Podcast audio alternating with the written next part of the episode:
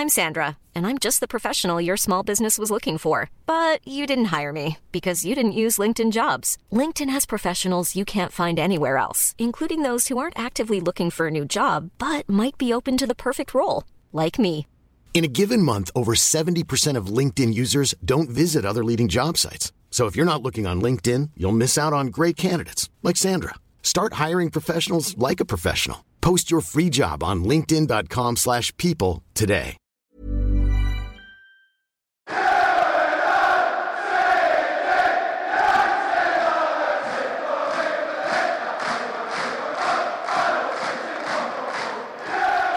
Halo penggembira, halo semua fans MU yang berbahagia karena kemenangan telak 4-0 membuat kita seolah-olah memiliki perasaan berbangga hati karena kemungkinan title akan datang. Padahal padahal baru satu match ya. karena emang sampah-sampah Iya. Kalau kalau kalah aja judulnya United sucks.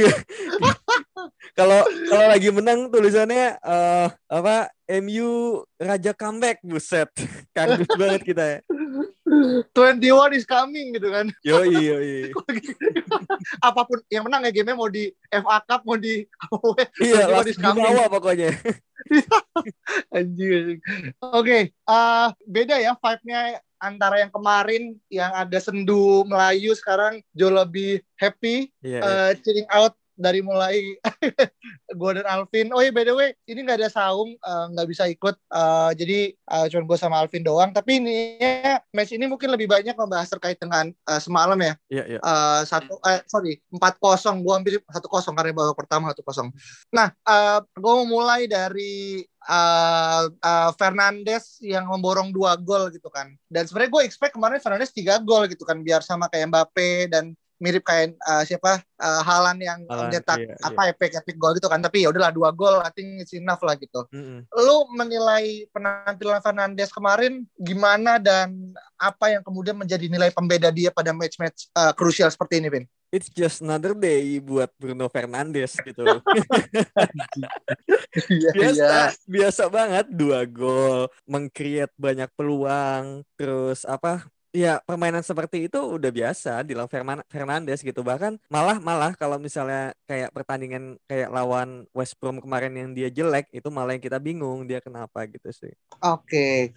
Malah ini ya kalau kalau dia jelek ya malah kita bingung Jadi kalau bagus malah udah no wonder berarti ya. iya udah biasa biasa banget Dan dia ternyata gue baca sebagai MOTM nih ada Hmm. di di match kemarin gitu kan. iya ya Eh gua pribadi yang kemarin kalau misalnya teman-teman dengerin podcast yang sebelumnya kan eh, sat- eh, satu hal yang udah miss dari tiga, kita bertiga adalah prediksi skor gitu kan. iya Karena gua gua lu sama Saung uh, memprediksi kalau nggak dua satu satu kosong atau kalau nggak salah ini bakal kejebolan lah gitu kan. iya In iya fact kemarin malah menang besar nih gitu kan. Sebenarnya kita bisa lebih dari gue sih nyata bisa 6-0 ya kalau Bisa. emang beberapa Mm. itu akhirnya tereksekusi dengan baik gitu kan. Peluangnya Rashford dan juga uh, apa Daniel James yang dari Greenwood yang kalau nggak offset menurut gue tuh bisa jadi salah satu uh, momentum baik juga. Nah, dengan kemenangan 4-0 ini menurut lu apa sih catatan uh, unik yang bisa kemudian uh, lu highlight uh, nggak cuma Fernandes kita lu saat Fernandes dulu yang kemudian bisa jadi poin penting untuk ke depannya gitu kan termasuk mungkin ya apakah di leg kedua kita bisa santai-santai kita bisa main dengan 10 main mungkin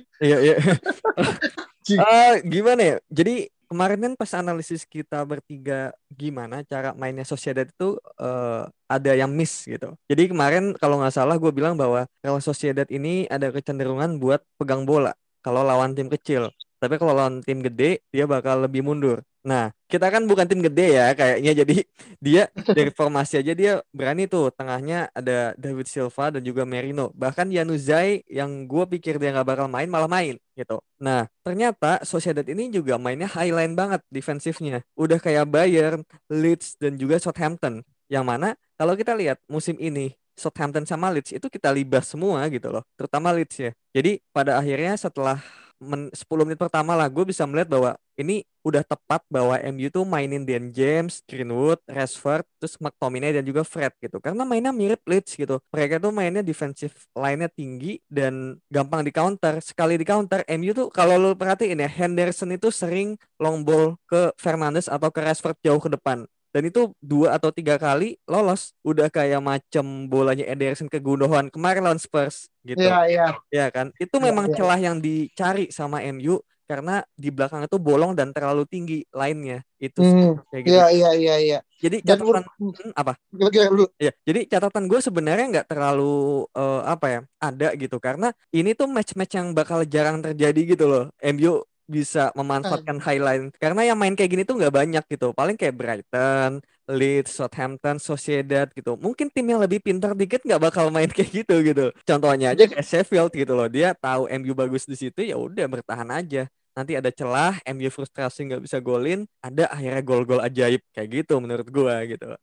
Jadi menurut lu ini yang akhirnya salah adalah sosial kemudian eh, apa namanya mencoba untuk memainkan taktik berbeda eh, dalam artinya gini mungkin dia juga paham kan dia juga nonton pasti lah pertandingan MU segala macam gitu kan. I think eh, kita akan terlalu salah kalau kemudian ngomong pelatihnya Sociedad kemudian nggak nonton Liga Inggris apalagi Iya, misalnya kemarin MU kita menang 9-0 Mm-mm. segala macam gitu kan. Dengan menggunakan dengan melawan tim yang kemudian menggunakan high apa uh, high defense line-nya kemudian terlalu tinggi gitu kan. Yang mana tadi malam dia kayak gitu. Nah Hmm. menurut lu ini emang totally uh, poor decision dari tim Sociedad atau emang MU aja kemudian bisa memanfaatkan peluang se- sebaik mungkin atau menurut Iya. lu lebih kepada salah di mana Vin? Dua-duanya sih, dua-duanya berperan juga. Jadi udah yang Sociedadnya juga, gue nggak bilang Sociedad salah ya. Maksudnya mereka pasti punya filosofi permainan gitu.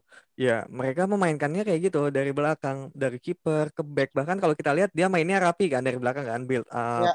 Berani apa, berani bermain lah. Itu kan mirip banget sama Leeds United gitu, Leeds dan Brighton gitu.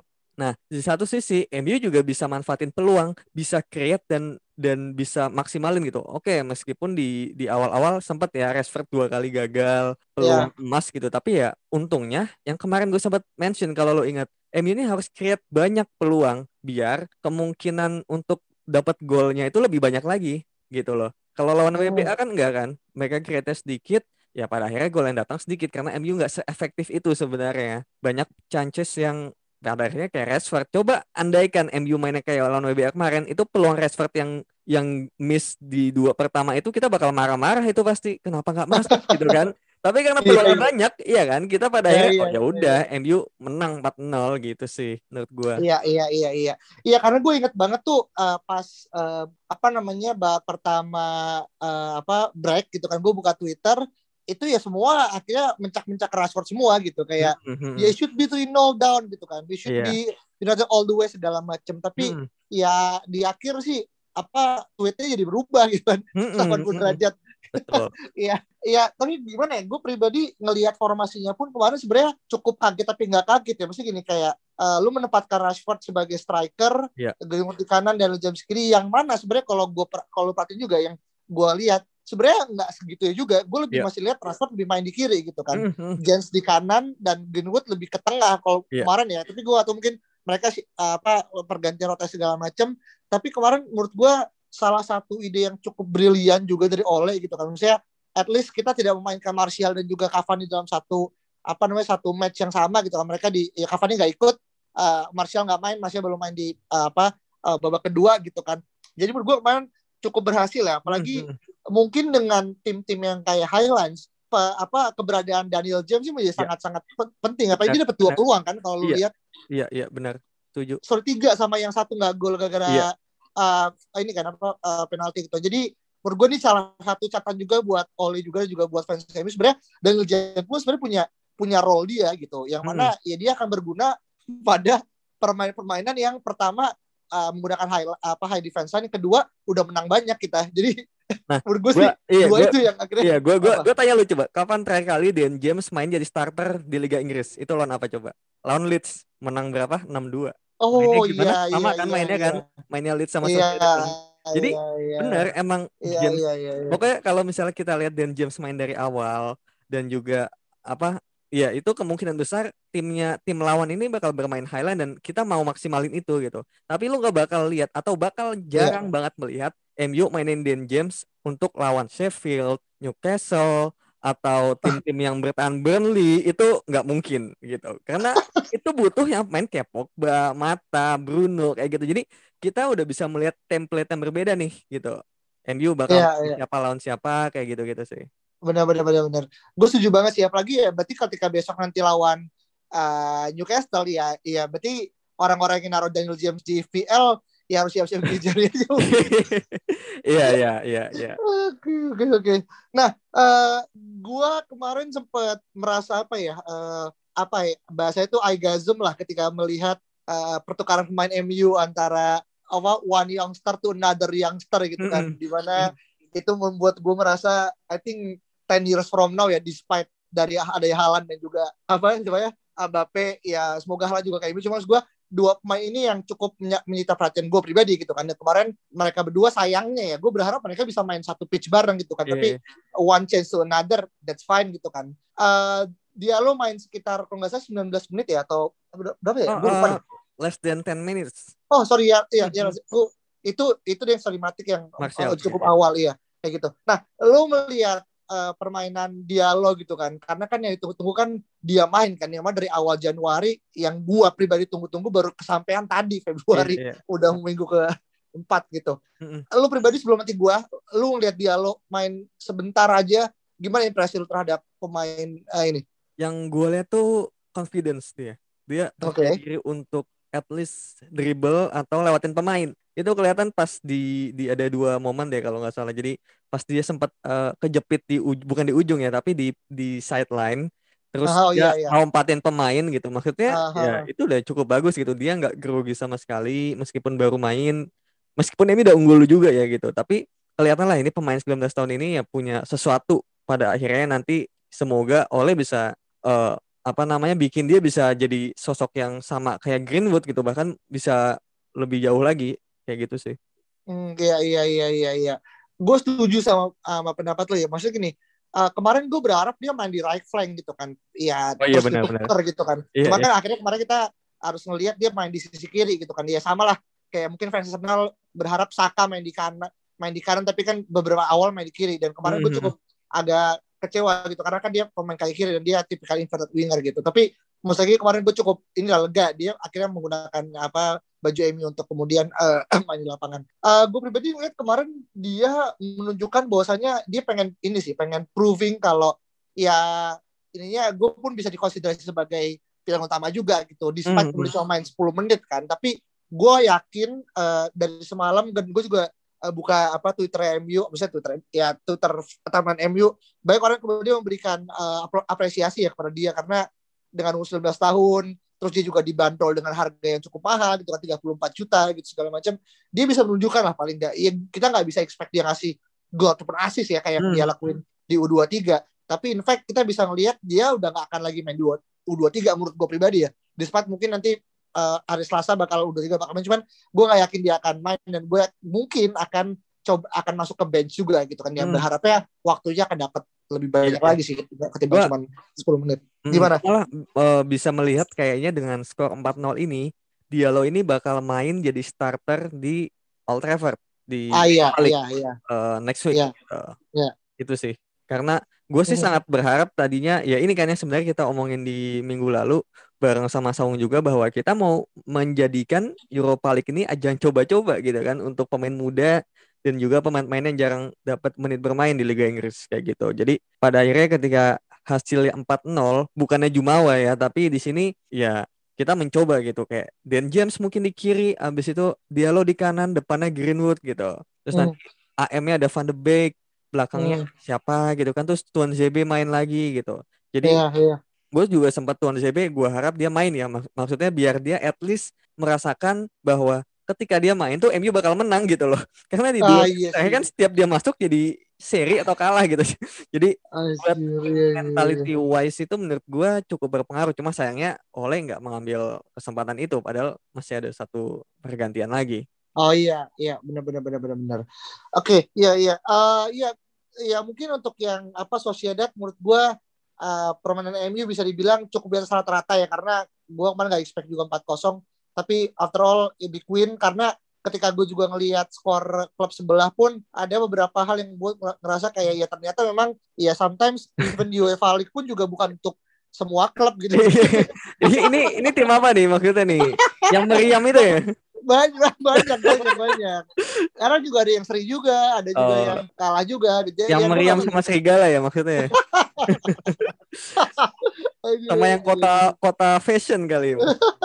aduh Eh, iya iya iya gitu by the way, gue lupa gue mau ngomong apa tadi ya. Oh, gimana? Menurut lu Adnan Yanuzai gimana Ah, permainannya iya. nih? Ah, iya anjing gue tuh hampir khawatir dia golin Iya, dia kan Bale Udah deg-degan itu. wah anjir tuh itu kalau misalkan dia agak ke kanan dikit ya menurut gua kiper mana pun sih maksudnya ya mungkin siapa pun menurut gua sulit buat buat uh, nepis tendangan kemarin karena menurut gua tendangannya cukup sempurna hanya saja kemarin menurut gua emang terlalu dia apa posisinya agak agak Iya. kurang tepat aja Ah, gitu ah. tapi after all ya gue merasa gimana ya Ya, biasa aja sih Biasa aja. eh, bukan mak- mungkin akan sama ketika kita akan lihat Lord Lingard main lawan MU kemarin meskipun dia nggak akan main sih. So Hmm. gue ya udah gitu.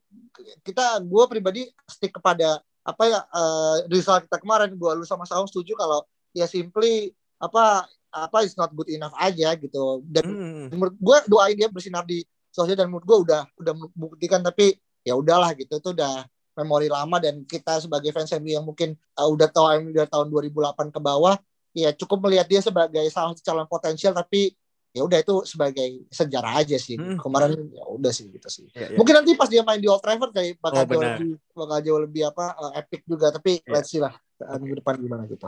Nah uh, minggu ini kan cukup padat ya karena hari uh, Senin dini hari kita bakal uh, ngelawan uh, Newcastle gitu kan. Yang mana ya kita harus siap-siap lagi persiapan mental kalau MU nggak akan menang uh, dengan dengan mudah dan Iya. juga tidak akan bergelimpah skor banyak karena uh, Newcastle tadi lu bilang memainkan uh, tipikal yang berbeda dengan Leeds dan juga apa uh, Solid semalam. Eh, apa yang lu lihat perubahan yang akan dilakukan oleh dari hasil semalam untuk pertandingan besok ini Gua gua agak khawatir sih sama pas McTominay cedera gitu. Karena kalau Ah, beneran itu cedera parah gitu means gelandang MU itu tinggal dua. Nemanja Matic dan juga Fred di tengah. Yang mana ya meskipun Fred ini bisa dibilang tireless banget ya tapi Matic ini udah tua gitu. Jadi gua agak khawatir bahwa McTominay cedera. Tapi gua sih yakin ya cukup yakin bahwa McTominay ini cukup eh, kuat gitu dalam arti fisiknya jadi kayaknya itu cuma precaution doang dan oke Iya, menurut gua kemungkinan lawan Newcastle ini perubahannya lebih di tengah tadi. Nemanja Matic bakal main karena mungkin Scott ini bakal diistirahatin buat lawan Sociedad lagi gitu. Dan juga habis Sociedad kalau nggak salah lawan Man City di weekendnya. Jadi iya jadi kayaknya Ole bakal melihat ke situ. Jadi pas lawan Newcastle ini karena Newcastle juga mainnya nggak terlalu terbuka, gua perkirakan tuh Matic bakal main, terus si apa Fred ma- main lagi. Nah depannya gue yakin bakal kembali sih ke trio awal Greenwood, Cavani dan juga Rashford kayak gitu. Dan untuk backnya juga kayaknya Eric Bailly belum bisa untuk back to back match, jadi bakal kembali ke Lindelof dan juga kirinya Shaw gitu. Oke, I see, I see. Paham, paham, paham. Sa- sa- Eh. yang yang disayangkan juga Pogba, gue masih, aduh ini tuh matchnya Pogba gitu loh lawan tim-tim kayak gini. Kan Iya, kayaknya tuh MU mulai kesulitan pas Pogba nggak ada gitu. Ya lawan Sheffield Pogba ada sih kalau nggak salah. Cuma pas lawan Everton kan ya akhirnya ketiga-tiga. Terus lawan West Brom juga kelihatan banget kan kehilangan kreativitas di tengah gitu. Jadi Pogba ini impactnya gede banget. Iya, iya, iya, iya. Eh, somehow gue ngerasa, gue nggak tahu ya, misalnya yang gue baca di media kan Pogba memang eh, apa sebenarnya udah membaik, cuma gue nggak tahu kondisi terkini gimana. Cuman Iya, banyak orang bilang dia akan siap untuk match lawan City kan. Ya, ya itu yang gue baca ya. Gue nggak tahu gimana update gitu kan. Dan menurut gue eh, kemarin pun sebenarnya despite kemudian McTominay juga akhirnya mengalami cedera, eh, I think memainkan Matic kemarin memang sebenarnya jauh lebih kepada kayak apa eh, tactical rotation sih menurut gue sih karena ya kita paham sih lah Matic udah berumur juga dan menurut gue emang game-game Matic kayak game-game seperti semalam menurut gue gitu ya. Meskipun kemarin kalau misalkan kita pun akhirnya uh, belum menang atau saya kemarin gua atau kemarin gua rasa udah dua kosong ya dia ma- main ya atau udah tiga kosong sih Eh. Dua deh kayaknya. dua ya Udah ha. mulai aman Udah- lah. Udah mulai aman kan menurut gua sih lebih kepada kayak uh, terlepas McTominay atau kemarin cedera atau enggak menurut gua akan diganti sama Matic gitu karena ya lebih kepada kayak permaja uh, sorry uh, rotasi squad dan menurut gua besok uh, gua belum dapat kabar apa pun ini kayaknya oleh apa apa bakalan ngelakuin apa uh, apa inter apa uh, pre-match uh, apa namanya interview gitu kan. Hmm, press conference mungkin di situ mungkin kita bisa kemudian dapat info kali ya karena yeah, yeah. gue akhirnya gak lihat ya paling back doang kan Lock Show bakal main well hmm. definitely Lindelof bakal main gitu kan yeah, yeah. Lainnya ya tadi lu bilang sih depannya nggak akan baik berubah gitu. Sama paling gue pengen uh, merasa ya dia lo mungkin cocok lah buat masuk ke bench lagi gitu. Mm-hmm. itu doang paling. Iya iya iya. Gue gue sebenarnya apa ya kayak melihat match lawan Newcastle ini ya MU harus uh, emas win gitu loh. I mean kalau misalnya seandainya seri gitu dan di match lainnya kan ya mungkin kita bisa dibilang ya buat Man City ini calculated win ya apalagi lawan Arsenal gitu di di weekend. Anjir. Ya kan? Jadi kalau kalau misalnya MU seri terus berarti kan jaraknya tambah dua nih ya jadi 12 poin. Terus nanti di weekend lawan City gue sih nggak segitu yakinnya ya bisa menang gitu. Seri aja mungkin udah ya oke okay lah gitu. Jadi uh. bisa tambah jauh lagi 14 poin gitu. Jadi kayak ya the title apa namanya perebutan titel selesai gitu. Kalau misalnya MU besok lawan Newcastle nggak bisa menang apalagi City kemungkinan besar bakal menang lawan Arsenal. Jadi ya MU kalau misalnya mau mencoba menjadi title contender sih harus tiga poin is emas iya ya karena iya gue setuju sih. Karena Indian meskipun ini terlalu dini ya untuk kemudian menilai siapa yang juara tapi sama dengan perbedaan yang cukup jauh dengan misalnya apalagi nanti MU juga mungkin akan kesulitan poinnya juga mungkin akan terbuang juga. Gue ngerasa kayak ya fans MU pun harus sadar gitu. Ya 21 is coming tapi is not just yet untuk sekarang gitu. Jadi menurut gue the squad is not that good enough menurut gue yeah, ya yeah, yeah. ada ada ada improvement. Tapi ya kita nggak bisa bohong lah. Maksudnya secara kualitas segala macam ya City menurut gue jauh lebih leading dari segala hmm. sektor gitu kan. Dan performa dia tren segala macam menurut gue sih even kayak Everton kemarin pun yang dianggap bisa menyulitkan pun ujungnya kalah-kalah juga gitu juga satu gitu kan. Mm -hmm. Ya, gue bukan akhirnya mengunderestimate apa Arsenal segala macam, cuman kemarin aja Arsenal seri sama Benfica gitu kan. Uh, eh, gue atau besok bakal main di Etihad atau main di apa uh, di kandangnya Arsenal. Cuman chance-nya pun kalau kita tanya fans ya Arsenal pun gue juga yeah. gak yakin mereka pun akan memiliki hope yang tinggi juga sih. Hmm. Jadi ya ya bener kata lo dia kalkulatif winner tapi ini bener-bener struggling winner kalau buat MU. Jadi kayak dua dua dua Manchester ini kayak seolah-olah kayak sedang lomba tapi yang satu sedang pakai bakiak buat lari, yang satu udah udah tinggal lari pakai sepatu olahraga gitu sedang ya, yeah, yeah. gimana MU-nya sih Vin. Mm, mm, mm. Jadi apa ya? Gua gua ngeliat City ini bisa dibilang apalagi Kevin De Bruyne udah sembuh gitu dan kemarin sempat jadi cameo di pertandingan lawan Everton.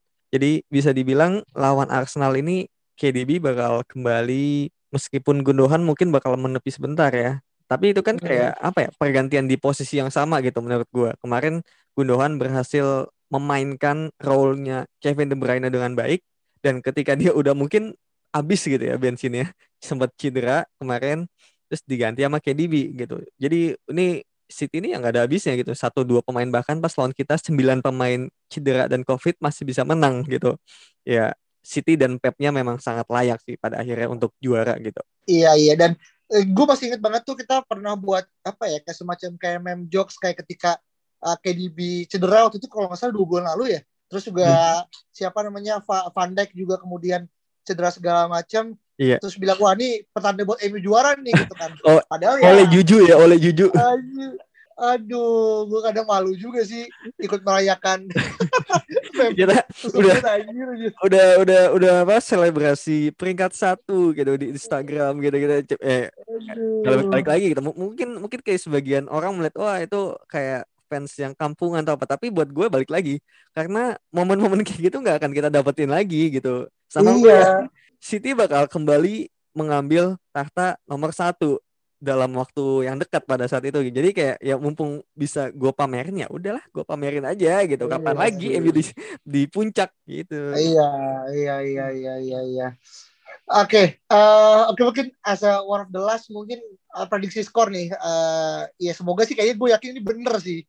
Karena karena ya lawannya bakal kayak gini jadi gue akan yakin Eh, nggak uh, akan jauh beda prediksi dari dan juga ini.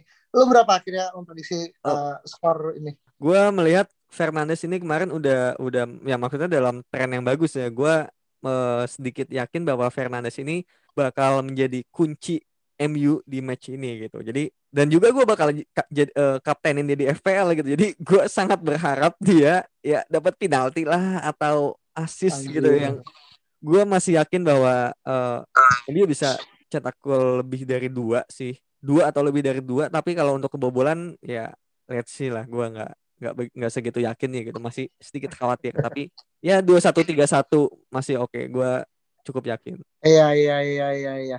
Uh, gue gue juga nggak gue juga nggak mau terlalu jumawa juga ya. Maksudnya I think satu kosong atau dua satu pun sebenarnya skor yang layak lah ya buat dua belah pihak gitu. Maksudnya, maksudnya layak itu layak menang, oh, saya bukan layak keharusan untuk menang tapi dianggap layak untuk uh, eh, MU karena apa namanya akan main dan gue jadi kepikiran ketika lu tadi bilang Bruno Fernandes adalah segala apa adalah uh, mastermind gitu kan kasarnya hmm. ya akhirnya judul podcast kita ini adalah ya Bruno is apa Bruno adalah kunci sebenarnya. Iya. benar benar benar itu nanti gue jadi judul. Iya iya iya. Ya mungkin itu sih uh, apa gue juga akhirnya nggak beda jauh skor sama eh, dua uh, satu atau satu kosong. Uh, ada lagi nggak dari lu yang main utama karena jujur uh, gue masih euforia kemarin ya. Yeah. gue kayak gue yakin bahasan Newcastle nih paling 25% dari obrolan kita yang benar, benar, tadi cukup panjang di sosial hmm. sih. Iya iya. Apa ya? Ya mungkin sedikit ke match lain kali ya kayak yang Man hmm. City lawan Arsenal gitu. Ya. Kalau okay. Iya, kalau Man City uh, Arsenal sendiri sebenarnya gue lihat tuh pas lawan Leeds tuh mainnya udah oke. Okay. Kayak dia kan pakai Auba di kiri ada si Smith Rowe, kanannya Saka, belakangnya Odegaard gitu. Itu sebenarnya udah bagus gitu mainnya. Cuma balik lagi, lawannya Leeds yang mainnya juga mencoba idealis dengan gayanya sendiri gitu. Yang mana pada akhirnya menciptakan banyak space yang bisa di maksimalkan sama Arsenal gitu. Sedangkan kita tahu di sini Man City apa ya kayak nggak sebodoh itu gitu untuk untuk bermain seperti Leeds gitu. Jadi ya buat match ini Arsenal City sih ya sorry to say gitu ya Man City bakal menjuarai lagi maksudnya menjuarai match ini gitu dan pada akhirnya gue bisa bilang sebenarnya ya ya title is over sih gitu Iya, Man City sangat sulit gitu kayak siapa yang bisa stop Man City sekarang? pada akhirnya sekarang tuh gue udah nggak berpikir untuk juara Liga Inggris tapi udahlah kita fokus pada kayak apa ya MU di peringkat dua ini sebenarnya apa jadi title contender ini kayak uh, kebetulan gitu loh. Sebenarnya kan MU tuh udah mengincar itu peringkat empat bukan peringkat empat ya maksudnya uh, top four untuk Liga Champions itu kan sebenarnya kan. Hmm. jadi ketika pada akhir sekarang overachieve jadi title contender itu jangan menjadi apa jangan jadi beban gitu loh. Kayak ya udah nanti kalau pada kalah atau seri atau turun ketiga it's okay kan target awalnya juga top 4 gitu bahkan gue kalau di awal sebelum MU beli pemain waktu itu gue pernah di podcast sebelumnya gue memprediksi tuh MU peringkat 6 bahkan atau 5 gitu loh. Iya iya iya. Karena nggak ada pemain yang dibeli waktu itu Van de Beek nggak ada, Cavani nggak ada, Teles juga nggak ada. Siapa yang yakin coba? Gue yakin lu juga mungkin pesimis gitu masuk peringkat empat hmm. kalau nggak ada pembelian. Iya, gitu iya, iya, iya, iya. Um, apa ya? Gue gue pun sebenarnya cukup aw, dari awal pun cukup merasa ya MU sebagai tata contender sih tunggu to be true ya karena Benar. melihat dengan apa mungkin dulu belum City kali ya, masih Liverpool ya karena Liverpool kan yang kemudian digadang-gadang kemudian kayak melakukan back to back title yeah. winning gitu kan mm-hmm. uh, in fact kemudian City yang kemudian akhirnya ngambil alih apa perolehan klasmen sementara ya tapi sih poin gue lebih kepada klub kita ya klub MU yang kemudian tunggu to be true aja untuk sampai saat ini gitu nah, benar, tapi poinnya gini sih kayak gue kadang ngerasa oke okay, uh, sometimes iya kita nggak nggak boleh terlalu berekspektasi tinggi gitu kan. Tapi menurut gue gini kayak tahun ini kan cukup tahun-tahun krusial ya buat buat MU ya. Terutama kalau misalkan kita perhatikan pada konteks uh, apa namanya um, kontrak pemain ya gitu. Kayak Pogba apa ya mau nggak boleh harus misalkan mau main terus harus diperpanjang apa hmm. sampai akhir musim ini. Fernandes pun akhirnya sekarang kontraknya juga masih stals gitu kan. Maksudnya belum ada keberlanjutan segala macam gitu kan. Dan yang lainnya pun akhirnya belum bisa kita rely banget lah in terms of a player gitu kan dan kita juga nggak ada nggak ada nggak ada kepastian apa musim depan pun pemain siapa yang kemudian kita rekrut dan kita tahu banget MU sangat-sangat jago dalam kemudian ngegaslighting para fans ya gitu kan. Iya. jadi jadi gue takutnya lebih kepada kayak ketika pemain tuh pemain-pemain yang kita anggap sebagai superstar ini mulai merasa jenuh karena kita pun juga nggak ada gairah segala macam. Ya ujungnya akhirnya repet, historinya repet gitu itu Levin. Jadi kayak hmm. story bakal akal akan tetap sama aja, cycle-nya nggak akan berubah sampai 10 tahun dari sekarang gitu. Iya, ya, mungkin selama, tahun dari sekarang, selama masih Glazer ya. Uh, ya mungkin root cause itu ya gitu kan. Cuman hmm. ya sebenarnya kalau misalnya oleh mungkin dapat uang yang cukup ya buat ini dan membeli pemain tepat sih gue ngerasa ya paling enggak oke okay lah ini nggak akan menang juara Liga Inggris minggu depan paling enggak skor beda poinnya nggak terlalu jauh lah. Gue pengen tuh kayak beda skor cuma kayak beda tiga atau atau beda misalnya less than five points lah. Menurut gue tuh jauh lebih seru ya ketimbang kayak sekarang ya kalau besok kita seri atau kalah ya udah gitu. It means it's over gitu kan. Bahkan ini kan baru baru weekday ke 24 kalau nggak salah ya. Iya 24 ya, makanya menurut gue terlalu dini tapi ya gimana dong gitu kan. Iya iya iya. Ya, ya udah gitu sih paling kalau dari gue sebagai tambahannya Hmm, tapi kalau misalnya lu punya apa ya punya authority lah buat menambal tiga misalnya, lu lu nggak gue nggak kasih nominal gitu kayak tiga sektor yang mau lu tambal gitu musim depan kita asumsikan Pogba keluar ya, uh, lu iya, iya. mana aja gitu yang mau lu tambal? Ini ini sama kayak obrolan kita pas di warung Padang kemarin sebenarnya. Iya bener bener bener. Cuma kita beda ini kita kita buat secara lebih publik gitu. Iya. Ya in short mungkin ya pertama ya CB is number one priority gitu kan. Tetap ya. Uh, nomor ya ya satu CB, nomor dua uh, eh, DM gitu kan. Karena kenapa gue pilih DM kan meskipun Pogba sebenarnya bukan bukan DM murni, dia lebih kepada uh, box to box segala macam. Cuman gue ngerasa potensial dari Fred dan juga Tomine ini bisa kemudian uh, seolah kita mulai melupakan dia padahal ya dia butuhkan tapi DM tuh akhirnya menjadi poin di mana ketika Pogba nggak ada Tomine sama Fred kemudian bisa menggantikan posisi mereka uh, sampai uh, mungkin kita juga di develop pemain-pemain muda lainnya segala macam. Nah, hmm. Nah, tapi kita butuh emang butuh DM gitu kan. Gue yeah. gak nyebut main ya, tapi sama yang ketiga mungkin in between antara uh, apa ini yang mungkin agak bingung sih gue antara milih uh, RW atau CF ya karena dua-duanya masih sangat-sangat tentatif banget apalagi uh, Cavani pun sekarang kan masih uh, masih gunjang-ganjing apakah diperpanjang segala enggak kan segala macam. Hmm. Cuma sih gue ngerasa uh, gue lebih milih striker sih.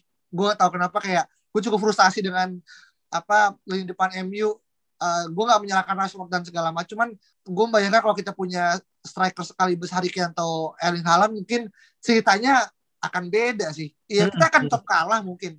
Tapi nggak beda-beda poin nggak terlalu jauh sih menurut gue itu. Iya, iya. tapi untuk untuk striker sendiri kalau gue ya memprediksi itu bakal dua musim lagi sih kejadiannya. Soalnya iya Iya si kalau ke, uh, kemarin gitu di grup podcast sebelah gitu gue sempet kasih capturean bahwa Erling Haaland ini rilis clause-nya itu baru aktif yang 75 juta itu di musim 2022 2023 di situ. Jadi iya. jangan musim depan kan masih 21 22. Jadi musim depan ini belum dan MU gue masih yakin bakal perpanjang nih Cavani. Kemarin gue sempat baca beritanya Cavani bakal perpanjang di situlah MU bakal beli yang yang lain dulu gitu. Dan gue setuju sama poin-poin lo yang, yang dua awal tadi sih. CB dan juga apa tadi ya lo DM DM, ya? DM, DM. ya ya setuju. CB-nya juga harus tipe yang kayak Eric Bayi sih menurut gue sih. Harus yang cepat jangan injury prone pokoknya. Nah, jadi iya iya iya. Dan kalau sebenarnya kemarin Hmm? Oh, sebenarnya kemarin di pertandingan Sevilla lawan Dortmund itu sebenarnya kalau bisa kita mau ini ya mau ngeker ya sebenarnya potensial uh, apa namanya uh, uh, apa pemain kita ya di sana kan Konde sama uh, San Sanko kan mereka sebenarnya mereka main di dalam satu field yang sama gitu dan gue kemarin sempat nonton juga gitu. Hmm. Uh, tapi ya balik lagi sebenarnya untuk yang depan kalau misalkan bener emang penghitungannya MU itu bener ya sehalan tuh dari tahun 2022 dan segala macam ini kita nggak berbicara pada konteks finansial apa ya finansial um, apa namanya strength dari klub-klub seperti City dan juga yeah. Barca Madrid yang mungkin tiba-tiba akan ngebuat movement ketika misalkan Mbappe pindah terus juga segala macam. Itu gue baca di di mana? Di uh, pernah lihat di Tivo ya satu satu pemain pindah dan itu misalnya mega mega player itu hmm. bakal mengacaukan semuanya dan yeah, gue nggak nggak bisa jamin MU akan dapat halan dengan kondisi kalau misalkan Mbappe atau mungkin Neymar pindah ya itu sih yang menurut gue jadi poin. Sama nggak ada pergerakan terlalu signifikan Halan stay. Tapi kalau ada gue khawatir sih.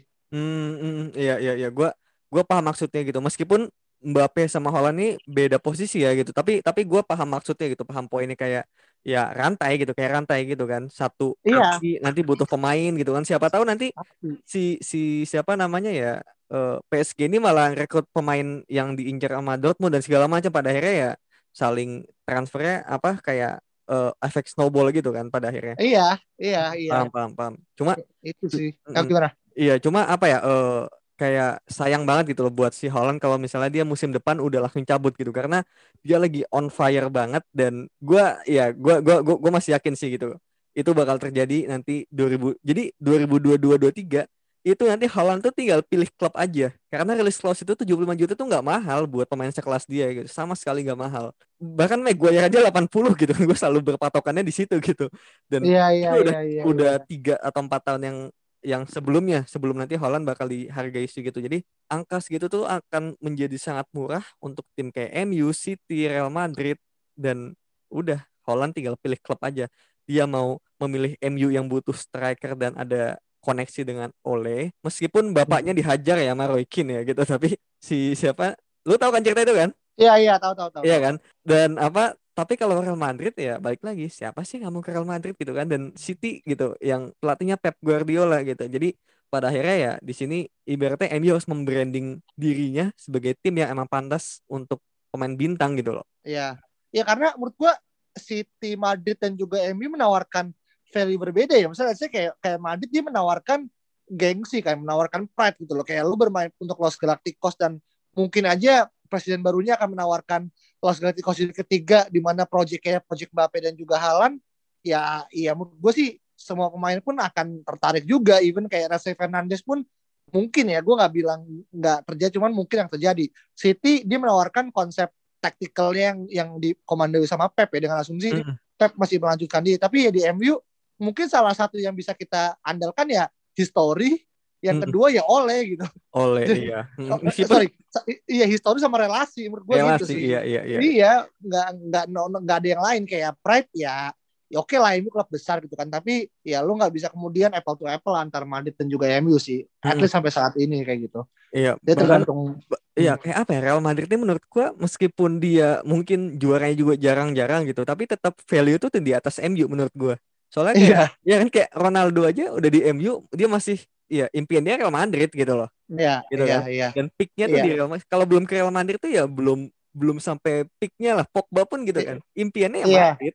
Iya karena karena menurut gua kalau misalkan diibaratin dalam rantai makanan ya kalau dalam dulu pelajaran IPA ya Madrid adalah penguasa tertingginya gitu. Madrid adalah burung elangnya gitu. Iya, Dan. MU kasarnya ya ular ular gitu kan dia di Ular. rantai kedua gitu kan. Mhm. Dortmund di rantai ketiga tikus ya gitu. Iya. Jadi menurut gua ya akan selalu kayak gitu sih di spot dua tim kemudian sama-sama memiliki fans yang cukup banyak, trofi yang bisa kemudian ya 11 12 segala macam. Cuman gua entah kenapa masih ngerasa ya brandnya Madrid jauh lebih di atas ketimbang Benar. MU sa- sampai saat ini. Gua nggak tahu apa yang membuat itu menjadi terjadi ya kalau ditanya gue juga nggak tahu sebenarnya Common sense Cuma aja kita- pokoknya ya. iya kayak common sense aja gue bisa bilang oke yang Madrid emang jauh lebih ini tapi gue juga bukan berarti gue mau pindah ke Madrid juga enggak tapi ya kita sama-sama tahu aja lah gitu menurut gue Hmm. sih Iya, iya. Dan sebenarnya eh, tadi untuk pelengkapian tadi ya, gue tuh sebenarnya eh, penasaran sama bek kanan sebenarnya. Kayak Wan Bissaka Oke. ini gak ada pelapisnya gitu. Dan gue nggak tahu kenapa ngeliat Williams ini kalau lu ingat gitu pas main lawan West Ham di babak eh, extra time itu tuh kayak nggak meyakinkan gitu.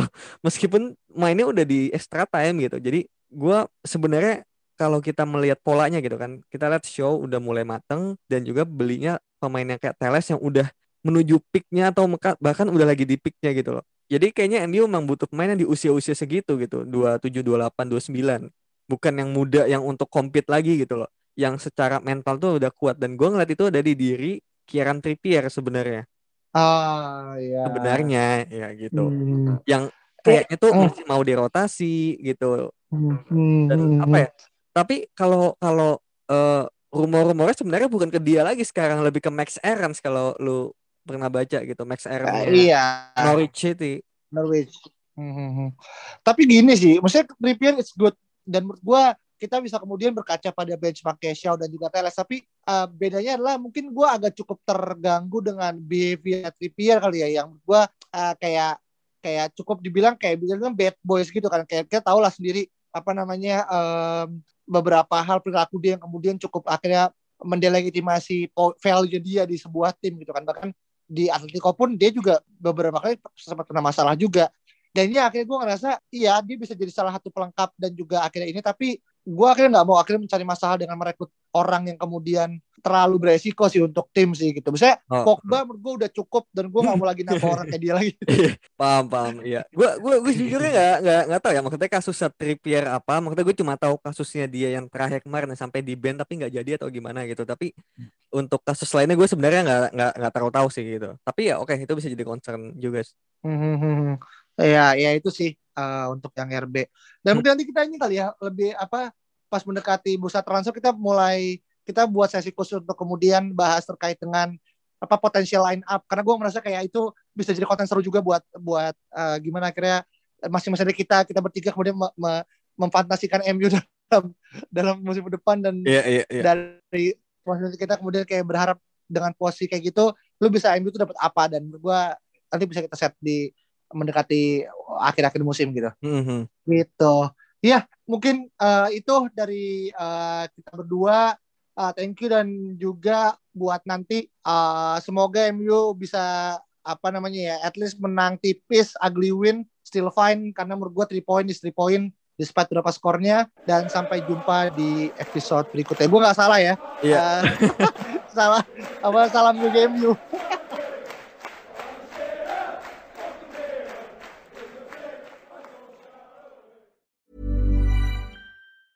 Planning for your next trip?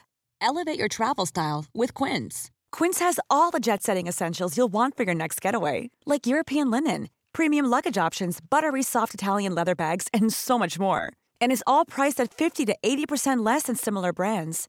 Plus, Quince only works with factories that use safe and ethical manufacturing practices. Pack your bags with high-quality essentials you'll be wearing for vacations to come with Quince. Go to quince.com slash pack for free shipping and 365-day returns.